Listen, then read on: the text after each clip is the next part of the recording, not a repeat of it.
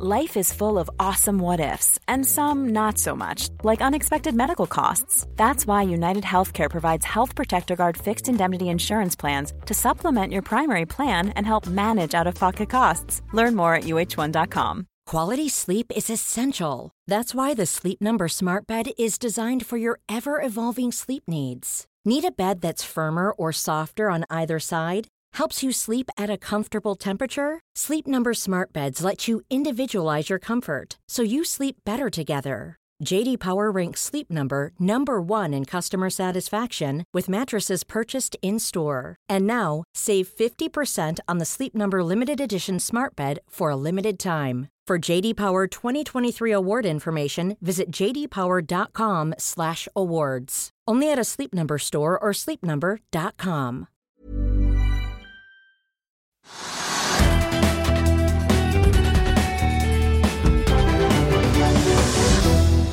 Velkommen til Økonominyhetene. Det er blitt fredag 14. april.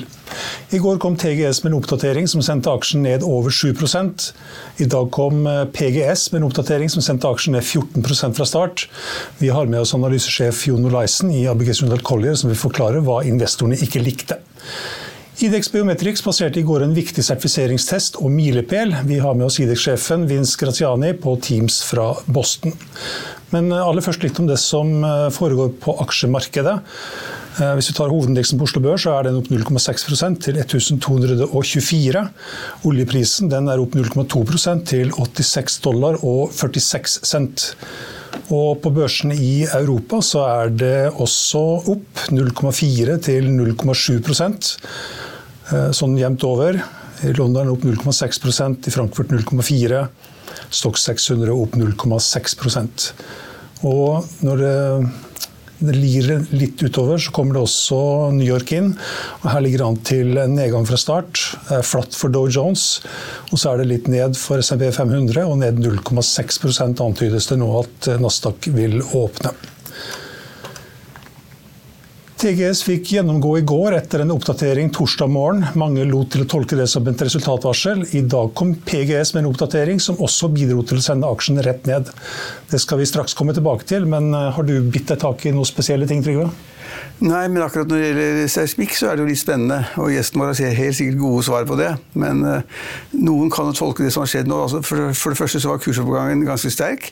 Og i takt med oljeprisen og den store interessen for olje og fremtiden i olje og altså alt som har med olje å gjøre, har vært veldig bra. Og seismikkaksjene har jo gått veldig bra. Og så kan det jo nå tolkes, da, det får vi høre, som at kanskje dette er et signal om at liksom det er en liten nedtur på gang. At kanskje da ikke verden vil ha så mye olje, og kanskje prisen vil svikte litt. Grann. Og det er jo helt opplagt at man bruker mer penger på seismikk hvis man tror at markedene skal bli veldig sterke fremover, at oljeprisen er veldig høy, etterspørselen stor, og det varer. Da bruker man penger på seismikk. Hvis man ser det litt, ser det litt, sånn, litt dårligere ut, så kanskje bruker oljeselskapene kanskje mindre penger på leting. Da, og de betaler mindre for de betaler mindre for, for uh, seismikk, da, som er i bibliotek osv. Slik at de er avventende men da leter etter mer, kanskje. Så Noen vil kanskje tolke det som skjer nå, at det er en langsiktig trend, og det er et dårlig tegn. Kanskje. Det vil gjesten vår svare på. Regner jeg med. Ja, vi har med oss analysesjef Jon Olaisen i ABG Sundal Korrer. Og hva var det investoren ikke likte med den oppdateringen? Det var det de kaller for late sales, både for TGS og PGS, altså salg fra biblioteket. TGS og PGS samler multiklientdata som de eier selv, og så kan de selge til så mange som de, som de bare kan. Og når de selger fra gammelt bibliotek, så kalles det late sales. Og late sales var dårlig for TGS i går, og det var dårlig for PGS i dag. Og Det tolkes ofte som at det er mindre interesse for frontierleting. For det er typisk det er data som er litt eldre, og som, som er typisk er litt mer frontierområder enn det som motsatte som kalles prefunding. Hvor de da investerer ny data i første kvartal, investerer ny data i første kvartal og selger fra det biblioteket som de er i ferd med å samle inn, en data de er med å samle inn det kalles prefunding. Og det er typisk marked hvor du vet det er litt hottere akkurat nå på kort sikt. Typisk litt mer i modne områder eller frontierområder hvor det er lisensrunde på kort sikt. Da. Så det var det som var skuffende. Salget fra biblioteket var veldig veldig skuffende. Det var ca. ned 50% for begge to. Så det var veldig veldig skuffende.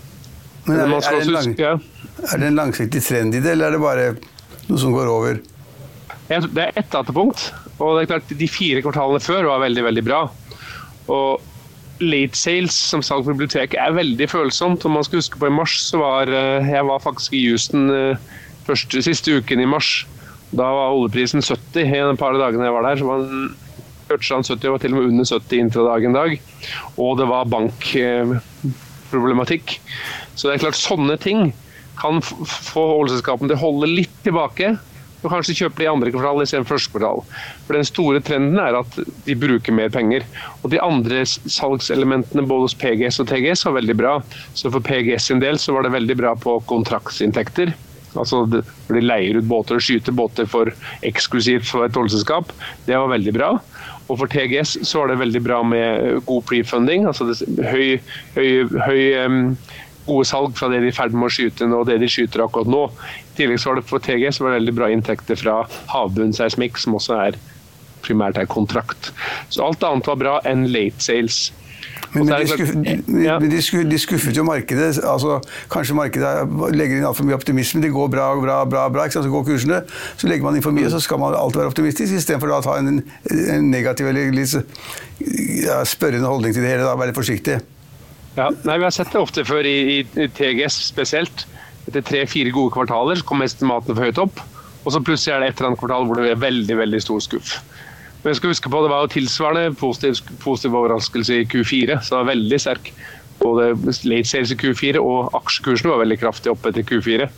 Så TGS-aksjene er jo fortsatt opp eh, er det 35 eller noe cirka prosent inntil i år. Og PGS er opp 18 til tross for de to dagene med fall nå. Så aksjene har vært sterk, veldig sterke. PGS er opp 150 de siste tolv måneder. Så aksjene har vært veldig sterke. Ja, men Ola, da burde man, man kanskje selge, da? etter en sånn oppgang? ja, jeg tror, jeg tror, ikke det. da. Jeg tror det er kjøps, dette er en kjøpsmulighet. For det er ingenting som tyder på det store bildet, som du sier, Trygve. Om dette er tegn på at oljeskapene begynner å bruke mindre penger. Og det tolker jeg det ikke, ikke som. Det er dette late sale. Men grunnen til at det er så viktig for PGS og TGS, er at det er cash rett inn i lomma. Du selger fra biblioteket, er jo ingen kostnader på det. Så det er bare 50 millioner dollar i salg, det er 50 millioner dollar rett i lomma. Og dette er jo for PGS sin del, som gjorde en stor, stor bånd, 450 millioner dollar, som de closa 31.3, på over 14% rente. Som er jo en sinnssykt høy rente for liksom et så stort og ordentlig selskap. Da var det mange som stusset, men nå vet vi jo hvorfor. De så det at det var nesten ikke noe multigrenssalg. Late sales, late sales var veldig dårlig. De var nok òg påvirket av uro i bankmarkedet og lav oljepris. Så da tenker de det er bedre å hente penger selv om det er dyrt nå. Vi vet, hvis det her vedvarer, så blir, så blir, det veldig veldig dårlig. Men jeg tror ikke det kommer til å vedvare. Men det er jo en indikasjon om at seismikkselskapene tenkte litt som kundene deres. De var, I mars var folk veldig veldig nervøse, og da gjør du ikke de marginale positive kjøpene av multiklient-data.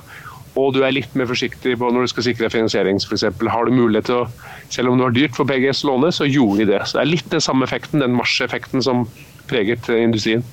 Jeg ser du har fått på deg slips, deg slips med bull og bears. Ja. Er du mest bull eller mest bear? jeg er utvilsomt mest bull på, på oil service. Det er det, altså. Så dagens oljepris holder lenge for at det blir et veldig veldig sterkt seismikkmarked. Og det vi har sett i tidligere oppsykler Jeg tror vi er andre år inne i en oppsykkel på oil service nå. Og det vi typisk har sett når det gjelder dette multiklient late sale, som er så veldig fokus, det er det, det vi ofte har sett, er de oppturene vi har en lang oppsykkel fra 2003 til 2014, minus en liten finanskrise som bare var tre kvartaler. Men det vi har sett i den perioden, er at av og til så kommer det dårlige late sales-kvartal. Og det vi ofte har sett da, i oppturene, er at det påfølgende kvartalet blir tilsvarende sterkt.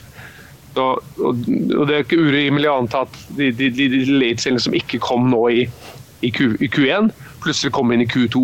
Og, og, PGS var ganske konkret på det. det, at det var en del Eh, closings som ikke ble salg som ikke ble gjennomført, eller ikke ble rakk å bli closa, men som de regner med kommer nå i neste kvartal eller i Q3. Men du, men og det, det, tror jeg på.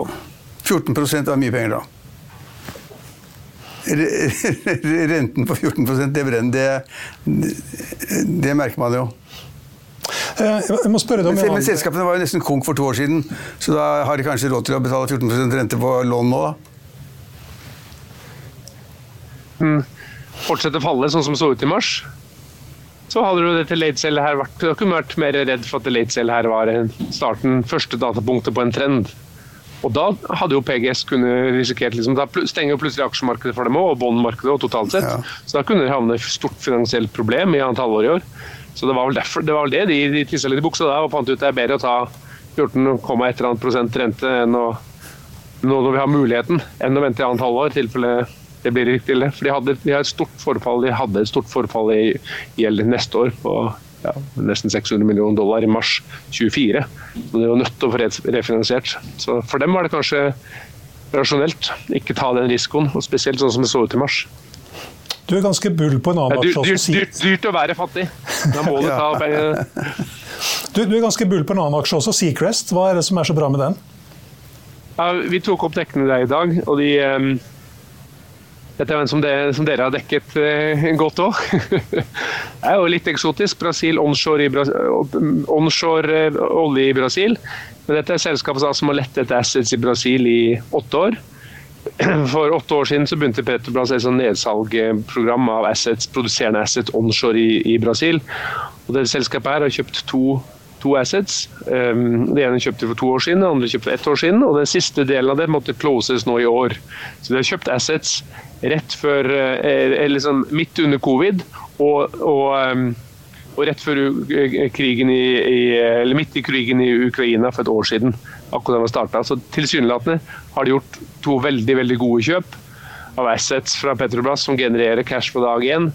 8000-9000 fat i produksjon i dag skal gå til 30 000 fat om to år. P2 på neste år. Hvis regnestykket, hvis de klarer å levere på den veksten og oljeprisen blir det vi tror, så er det P2 på neste år. Det er det veldig veldig billig. Og 35% pre cashflow yield. Så det, hvis de leverer på den produksjonsveksten, som det selvfølgelig er vanskelig å vite på og liksom være helt sikker på når det er såpass langt unna Hadde det vært på norsk sokkel, så hadde aksjen stått i 30 kroner. Hadde dette vært, feltet her vært i Norge, hvor vi har vært like trygge på de estimatene som vi har i dag, hadde den ikke stått i 12-13 kroner smøla, hadde den stått i 30. Mm, de må vise at de kan levere. Det er kanskje ikke alle som har lest analysen din ennå, for aksjen er ned 2 i dag? Ja, det var litt oppe i går, da. Så de fikk jo, den var 6-7 opp i går. Så det er klart det er. Den nyheten kom i går. Kom i går fikk komme nyheten om at de closet denne transaksjonen, som ble litt utsatt. Mm. Du, bare, bare, noe annet I forbindelse med olje kom en melding i dag om at uh, Russlands eksport av olje var den, altså den høyeste på tre år. De, de eksporterer 8 millioner fat hver dag. eller sånt. Altså, hvor blir den oljen av? Kina, eller? det er restriksjoner og sanksjoner mot russisk olje, og plutselig så får vi beskjed om at det høyeste eksporten på tre år. Ja, ja nei, det, er sant. På den siste kommentaren på Seacrest er det jo faktisk over børskurs, eh, IPO-kurs, som er hyggelig. Men Russlands oljeproduksjon har funnet helt nye veier. Før gikk det jo mye av det til eh, vestover, nå går det østover. Så det er kinesere og indere og andre asiatere som tar russisk olje. Og produksjonen er jo høyere nå enn for et år siden. Så det blir spennende å se. Nå har de jo sagt de skal kutte 500 000 fat. Eh, så det forventes jo rett rundt hjørnet. Men det er klart det, det er jo tankskipene tror jeg er veldig nytte av det. Må frakte oljen lenger enn de gjorde før. Og en av grunnene til det er så tankmarkedet. Men tenk hvis det plutselig blir forbudt å frakte olje til Kina? hvis, Kina skulle komme i sanksjoner sånn som Russland? Russland har egne tankskip, vet du. ja. ja. ja. Tusen takk for at du kunne være med oss, eh, Jon. Bare hyggelig. Ha det godt. Ha det bra. Eh, vi ruller ut videre. Vi må si litt om eh, SAS Trygve, dagens vinner på Oslo Børs. Ja, altså SAS-aksjen er opp 10% i dag. Eh, og Det er vel et par og 20 øre. Og vi sa jo her forleden at vi trodde at den kanskje kunne, men at den ville, men den kunne kanskje gå mot null, eller skulle gå mot null, var det jeg mener, over en viss tid, ikke, ikke på noen dager. Fordi da usikkerheten er stor, og for det kommer så uendelig mange nye aksjer inn, og de gamle aksjonærene blir nullet ut. Alle vet hva det går om. Men den var opp i dag, så det ser ut som det er en del som da på en måte spekulerer i en aksje de kjøper for 20 øre eller 15 øre. Eller de kjøper den for 15 øre og selger den for 22 øre. Men det falt jo da, etter at vi hadde samtale om det forrige gang, så falt jo da aksjen fra 34 øre til 21 øre i dag. Så det er, det er, et fall nedover, og folk er engstelige. og de, Man burde jo ikke være der. Altså jeg sier, Hvorfor skal man eie flyaksjer som er så spekulativt? Og Hvis man vil være der, så kan man tenke seg hvorfor skal man da være i SAS? Hvor man ikke vet hvor mange aksjer som kommer. Man vet ikke, ikke hvor mange aksjer som, som kommer ut av gjelden som, som skal konverteres. Og man vet heller ikke om emisjonen vil bli plassert til små, småaksjonærer storaksjonærer. hvem det måtte være. Så det er kjempeusikkert, og det var en vinner i dag, men det burde det nesten ikke vært. Det burde sige nedover mot null, og det gjør den jo da. Så vi foreløpig har våre ord i behold. Ja. Eh, vi er straks tilbake med IDEX-sjefen Vince Graziani, som meldte om en viktig milepæl torsdag. Vil du bli oppdatert på det viktigste som har skjedd innen finans og næringsliv? Da er det bare å følge med, for hver morgen er jeg, Marius Lorentzen og aksjekommentator Karl Johan Malnes på plass i studio for å ta tempen på dagens marked i Børsmorgen. Og hver ettermiddag oppsummerer vi alt du trenger å vite i økonominyhetene, og det blir selvfølgelig masse interessante gjester. Klikk deg inn på fa.no-tv, eller søk opp Børsmorgen og Økonominyhetene der du hører på podkast. Small details are big surfaces. Tight corners are odd shapes. Flat, rounded, textured, or tall. Whatever your next project, there's a spray paint pattern that's just right. Because Rust new Custom Spray 5 in 1 gives you control with five different spray patterns. So you can tackle nooks, crannies, edges, and curves without worrying about drips, runs, uneven coverage, or anything else. Custom Spray 5 in 1 Only from Rust-Oleum. I'll see you in court.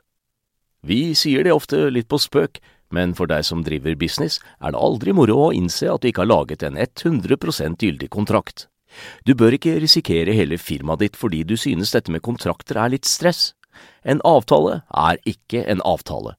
Du kan miste kunder, miste venner, ja, til og med miste inntekter om du ikke lager en skikkelig kontrakt, på alt mulig, egentlig. Men vi vet det er et styr, kopimaskiner, tregprinter og haugevis av papir. Dessuten stoler vi jo på folk her i landet. Det er ofte litt kleint å skulle be om en signatur for alt mulig, ja, for mye av styret handler også om jakten på underskriften. Det finnes en enkel måte å løse dette på, Dukkobit, en trygg, effektiv og get this, gratis måte å sikre seg en god natts søvn pluss en juridisk bindende avtale. Dukkobit-appen har de strengeste sikkerhetskrav i bunn, samt en EU-godkjent og sertifisert teknologi. Framover vil det bli behagelig å spørre du, skal vi skrive under på det, eller? Kom i gang på dukkobit.no.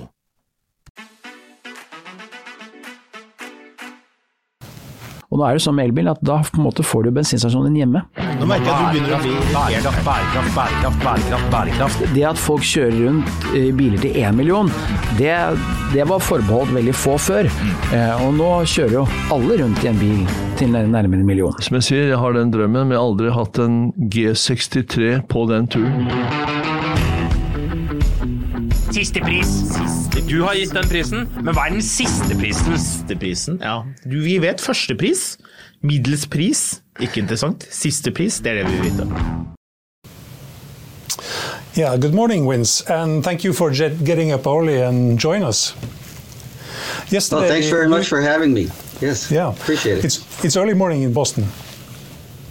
Or, yeah, it's about seven forty-five, so it's not very early for me. I've been up for two hours already at this point. So yeah. yeah. Yesterday, you uh, reported uh, what you called a certification milestone with Mastercard, and uh, can you tell us a little more about why this is so important to you? Yeah, I think it, it's um, it's a good question. I appreciate the opportunity to explain it a little bit. So. Um, a biometric payment card is like any other payment card. MasterCard uh, goes through rigorous certification before they allow any payment card to operate on their network. And when it comes to the biometric cards, they've put new standards and specifications in place specifically for the biometric card.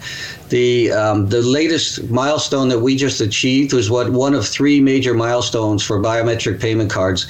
This one is called FTAS, which is the Fingerprint Test Assessment Survey or Summary, and that really measures the false reject rate and the false acceptance rate of a fingerprint. So all the biometric performance.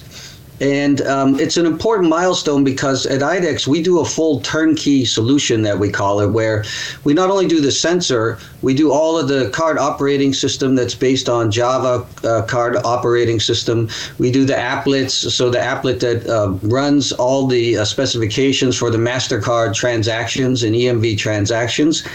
And the way uh, historically it works in the industry is each card manufacturer, everybody that would make one of these cards, would end up having to go through all this testing on their own. So it takes about nine months to go through the three major steps. The first one is that we just completed FTAS. In parallel, they're running the compliance um, and, and security assessment testing. That's another major milestone. And the last one is what they call CSI, which is card structural integrity. So the actual physical integrity of the card. It goes through thousands of bending tests and folding tests and, and other physical tests to make sure if you have this card in your wallet for three years, it still performs like any, any other payment card as we expect. So all of that testing for a card manufacturer it takes about nine months typically and takes um, in the range of you know hundreds of thousands of dollars. Could be close to a half a million to get through all the the testing labs and test facilities. So at IDEX what we did was take it upon ourselves to go through all of this testing and get fully certified for our turnkey solution. So when a car manufacturer chooses the IDEX sensor with our software and our complete solution they don't need to go through all of that testing they just need to do the card structural integrity test, uh, which they run in parallel typically, um, that proves they can actually manufacture a card that's rugged and meets the compliance standards. That can be done in one to two months as opposed to nine months and for, for much less cost than the hundreds of thousands it would cost to do the full certification on their own. So for um, the Q four report, if anybody paid attention to uh, IDEX, we announced that we had eight new design wins in 22. We have uh, overall 10 design wins, meaning 10 card manufacturers waiting to take this card to market. So getting through this first major milestone was a big deal for us. Um, the next one will be the uh, compliance assessment and security test, which should be coming soon. And uh, for overall, that'll get us cards actually at banks and in the hands of consumers um, later this year, in the second half of this year. So. Yeah, you have 10 plus customers agreements. Uh, are all these exclusive? Um, uh, typically, in the card industry, if you think about how big the payment card industry is, there are 3 billion contactless payment cards issued every year as, as of last year, as of 2022. Um, so most of the, the banks and issuers are not fully exclusive. They normally start with one, but for continuity of supply, they'll have multiple suppliers. So so for these uh, 10 wins that we have, I would say um, eight or so of those are using only IDEX for the time being. Some of them have multiple suppliers, but I expect over time, when the volumes are really ramped up, they'll have multiple sources of supply. There's typically in this industry two to three major suppliers of, of technology that enables the payment card industry. And for biometric sensors, IDEX is one of the two leaders. So. Uh, when will we see the first cars in use and where will they show up first? So um, uh, cards from our partner IDEMIA are already in the marketplace, but cards with our full turnkey solution that we just uh, passed this first certification step, those will be um, going out to trials probably by um, Q3 of this year and really in the hands of consumers in, in broader volume by Q4. In Norway too, or? Um, the Nordics is one of the areas that uh, seem to be adopting first. I, I, I wish I could uh, specifically uh, mention banks by name, but um, actually, we, we do anticipate it coming to Norway and, and, and the other Nordic countries. And um, one thing I always tell people ask your bank that you want a biometric card. That'll help accelerate the process. Um, you say you're, you're a leading supplier of uh, biometrics cards in the market. Uh, what differentiate your from the uh, you from the uh, competitors? So um, IDEX came in a little bit late, but we uh, came in with a technology that we built purposely targeting the payment card and the card form factor. Um, the other competitors that entered the market took fingerprint sensors originally that were targeting smartphones and mobile devices and adopted them into the card form factor. We did purpose built from day one, so our sensor is large because there's very little power. Very little power means little processing power. So we get more data from the fingerprint at each touch. So we get a match faster and with less compute power. And we also designed our sensor so it's not made of silicon, which is typical in the industry. Our sensor is a flexible polymer with a tiny silicon ASIC on the back side of it, which makes it um, flexible and rugged and fit in the card form factor. And we also integrated from day one all the extra circuitry needed to harvest energy from the point of sale terminal and, and do the accelerated fingerprint matching. We do the, the full fingerprint match in one quarter of a second because we have a 200 megahertz gigahertz processor right on our sensor. And, um, then the full EMV transaction about a half a second. So having this purpose-built solution really gives us an advantage in terms of performance and um, uh, compliance and security with the industry. So. Uh, quite a few of us, most of us maybe, have a, payment solutions on our smartphone. Could this disrupt all your uh, biometric cards business? No, in fact, uh, the biometric card is going to uh, be in the market and work very harmoniously alongside of, of phones. I too um, am an occasional user of Apple Pay, and I, I have a PayPal account on my smartphone as well. Um, but what people have come to realize is that there are many situations where the tap of the card is just convenient. First of all, you might be on your phone while you're in the Starbucks and you can pull the card out and just tap rather than switch over to your payment app. Uh, there are some times where um, you only ha- have the card with you if you're off jogging or whatever. Um, but there are other times where what we've seen is people using the card in um, conjunction with with the phone. So the smartphones also have near field communications on them, and one of the emerging applications is you could store the keys, for example, to your crypto wallet that resides on your smartphone, but the secure encrypted keys can be stored on the card, which is never attached to the internet and therefore can never be hacked. So then, you know, there are applications where you can take your standard payment card and use it to unlock a high value transaction on your smartphone. So we think as the um, industry progresses, there's going to be many other applications like that where the smartphone and the, the biometric card work together. Uh, last year, you lost 32 plus million dollars, and you have done that for the yeah, more or less the last decade. When will we see? When will you be cash positive? So uh, IDEX has been in the market for a long time, and uh, the company had done several pivots from uh, a business model where it was a license and IP royalty. Um, then the company targeted the mobile phone space, and and um, actually came a little bit late to the party there, and by then there were many competitors there from from China and Asia, and so the company did a pivot back in 2017 to develop this biometric targeted card, uh, a biometric sensor targeted to the payment card industry. And the company went in all in on that. And, and it was a publicly listed company, but very much running like a startup since 2019, developing this new technology. Now that we're in the marketplace, our first customers are shipping in volume already. Um, we we were 4 million revenue last year, which was um, up sig- significantly from prior years. Uh, this year, we anticipate our revenue, we're not giving guidance yet, but our, our revenues will grow substantially. And by the time this uh, card is in volume production and mass production, um, the company will be break even. And I think I mentioned in my Q3 report that um, if we look at all the design wins we have for this solution, um, those card manufacturers together uh, manufacture about over a billion cards. So if only 1% of their portfolio is biometric cards, we're profitable. And we anticipate that to be um, very soon, uh, probably late Q3, early 2024 sometime. So. Okay, so not this year, next year, maybe we, it's one of those markets. We see how fast things ramp up, but uh, we have the supply chain ready to go. And if things take off faster, it all happens faster. So. If your burn rate Vince, continues like it uh, did last year, maybe it's a little better this year, it, you might be running low on cash, not uh, yeah, pretty soon, maybe. So um, we've always had access to capital. There are a lot of investors in the industry that really believe in this biometric payment card industry, and and it's. Um, uh, it's actually happening now. Now we see the big design win pipeline.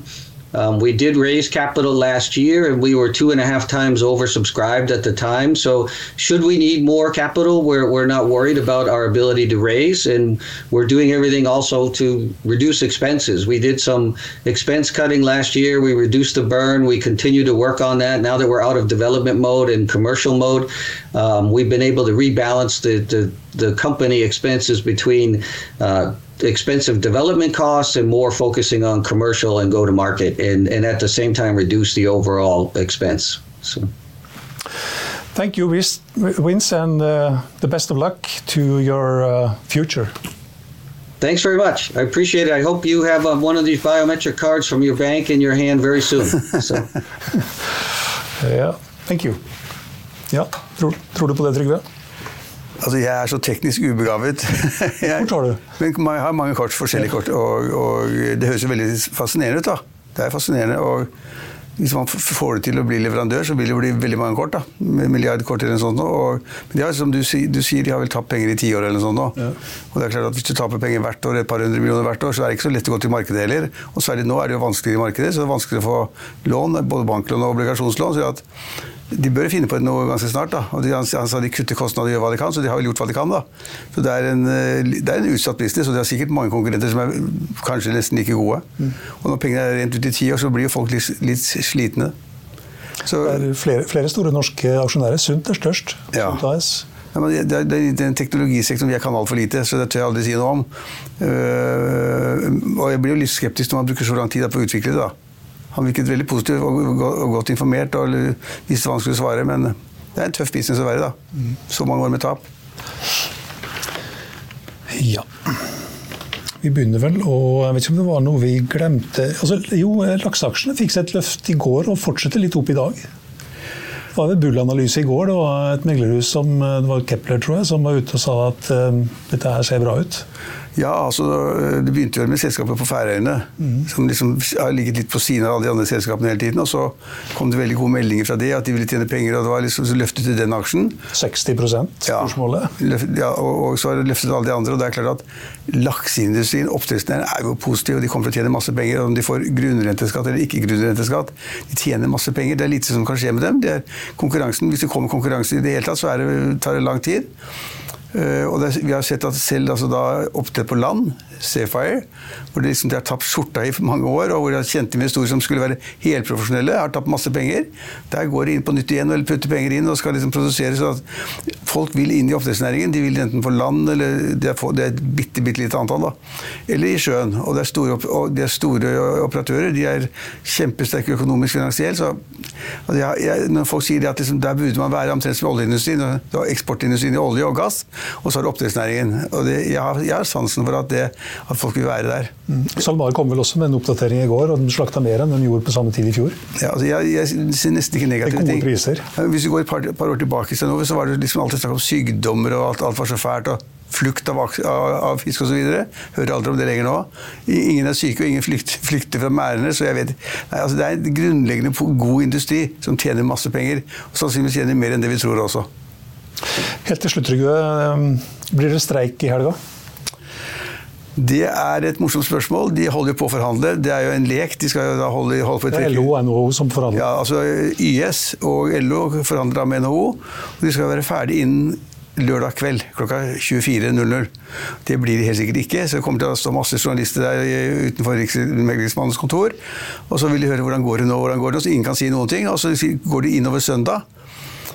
Og da tror jeg de blir enige. Men er ikke, det, er, det er sånn 60 sikkert at de blir enige, og 40% at de ikke blir enige. Og grunnen til at de bør bli enige, er det at de har, altså LO har jo sagt at vi skal ha rea- reallønnsvekst. Og så har vi fått høre fra SSB eh, at eh, de forventer at eh, prisveksten vil bli 4,9 Og Da sier man at hvis, hvis LO får 5, så er det pluss. Det som er problemet det, det, de har, og det kunne de sikkert leve med, og NHO kunne også leve med det, men problemet de har er at det kom med en pris. Det kom med en prisprognose forleden som var på 6,5% Mye over 4,9 hvis, dekke, hvis det blir 6,5, det blir ikke, det blir sikkert litt lavere da, men hvis det skulle bli det, og så var det oppe på 7% hvis man tok, med da, tok bort denne støtten på strømmen. Men se, la oss si 6-7 da, og hvis LO skulle da få dekke en reallønnsvekst på det, så må de ha en lønnsvekst på 6-7 det er ikke i nærheten av å få. Så hvis LO står hardt på det, at de skal øke kraftig den lønnsveksten de har, fordi at prisveksten kanskje blir mye høyere enn det SSB har anslått, så blir det streik. Men hvis de tenker at ok, vi later som det blir eh, prisvekst på 4,9 eller litt over det, og så krever da LO 5,2 eller 5,3, og da går det glatt gjennom sen søndag kveld, ut på formiddagen søndag uten streik. Men det står altså 24 000 klare til å streike, og det er tatt ut flere hundre tusen da, med såkalte plassoppsigelser, som kan da streike i neste uke hvis de blir uenige. Men de er altså så de, de ligger så lavt, de snakker så uh, forsiktig til hverandre, og de har helt hemmelige møter. LO har ikke engang fortalt hva de krever, men, men vi har skjønt det. Det er liksom minst 5 uh, så jeg, Den profilen de har, og så har de kommet til noe tullete utspill om at det som er problemet, er at topplederens lønninger det er bare tull, det har ikke noe med disse oppgjørene å gjøre i det hele tatt. Så det er mye psykologi, det er mye sånn der, uh, kunstig fight. Så jeg tror de kommer gjennom det. Og, og, og med Stein Ove, det morsomme er at de kommer gjennom det. Og så skal alle de andre da, sektorene, privat sektor og offentlig sektor, forhandle, og de får ikke ett øre mer. det, det, og, det, skjønner de ikke. Det skjønner de ikke ennå. da skal vi eh, runde av her. Vi kan ta en liten oppdatering på hvordan det ser ut på Oslo Børs. Den er opp fremdeles 0,6% til 1223,90. Og oljeprisen er, eh, har nå snudd litt ned, ned 0,13% siste døgn, til 86 dollar og 16 cent. Eh, på børsene i New York så ligger det an til en flat åpning, med da, som vi nevnte, en nedgang på 0,5% på Nasdaq fra start. Bitcoin holder seg over 30 eh, 000 dollar. 1,7 opp i dag, til 30 825. Det var økonominyhetene her på Finansavisen denne fredag 14. april. Vi er tilbake igjen her med Børsmorgen mandag klokken 8.55. Husk også at du får de siste nyhetene minutt for minutt på finansavisen.no. Riktig god helg. Mitt navn er Stein Ove Haugen. Tusen takk for at du så og hørte på, og håper du er igjen med oss over helgen også.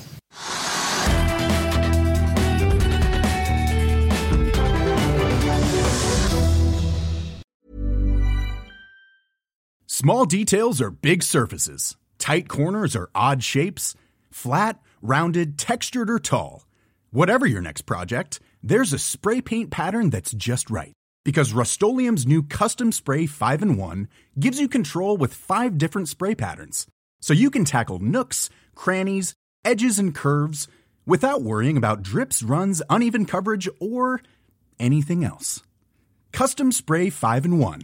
Only from Rust Even on a budget, quality is non negotiable. That's why Quince is the place to score high end essentials at 50 to 80% less than similar brands. Get your hands on buttery soft cashmere sweaters from just 60 bucks, Italian leather jackets, and so much more. And the best part about Quince, they exclusively partner with factories committed to safe, ethical, and responsible manufacturing. Elevate your style without the elevated price tag with Quince. Go to quince.com slash upgrade for free shipping and 365-day returns. Hi, I'm Daniel, founder of Pretty Litter. Did you know cats tend to hide symptoms of sickness and pain? I learned this the hard way after losing my cat, Gingy. So I created Pretty Litter, a health monitoring litter that helps detect early signs of illness by changing colors, saving you money and potentially your cat's life. Pretty Litter is veterinarian developed, and it's the easiest way to keep tabs on your fur baby's health right at home. Go to prettylitter.com and use code ACAST for 20% off your first order and a free cat toy. Terms and conditions apply. See site for details.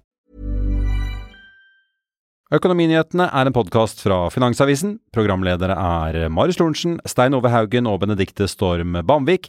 Produsenter er Lars Brenden Skram og Bashar Johar. Og ansvarlig redaktør er Trygve Hegnar.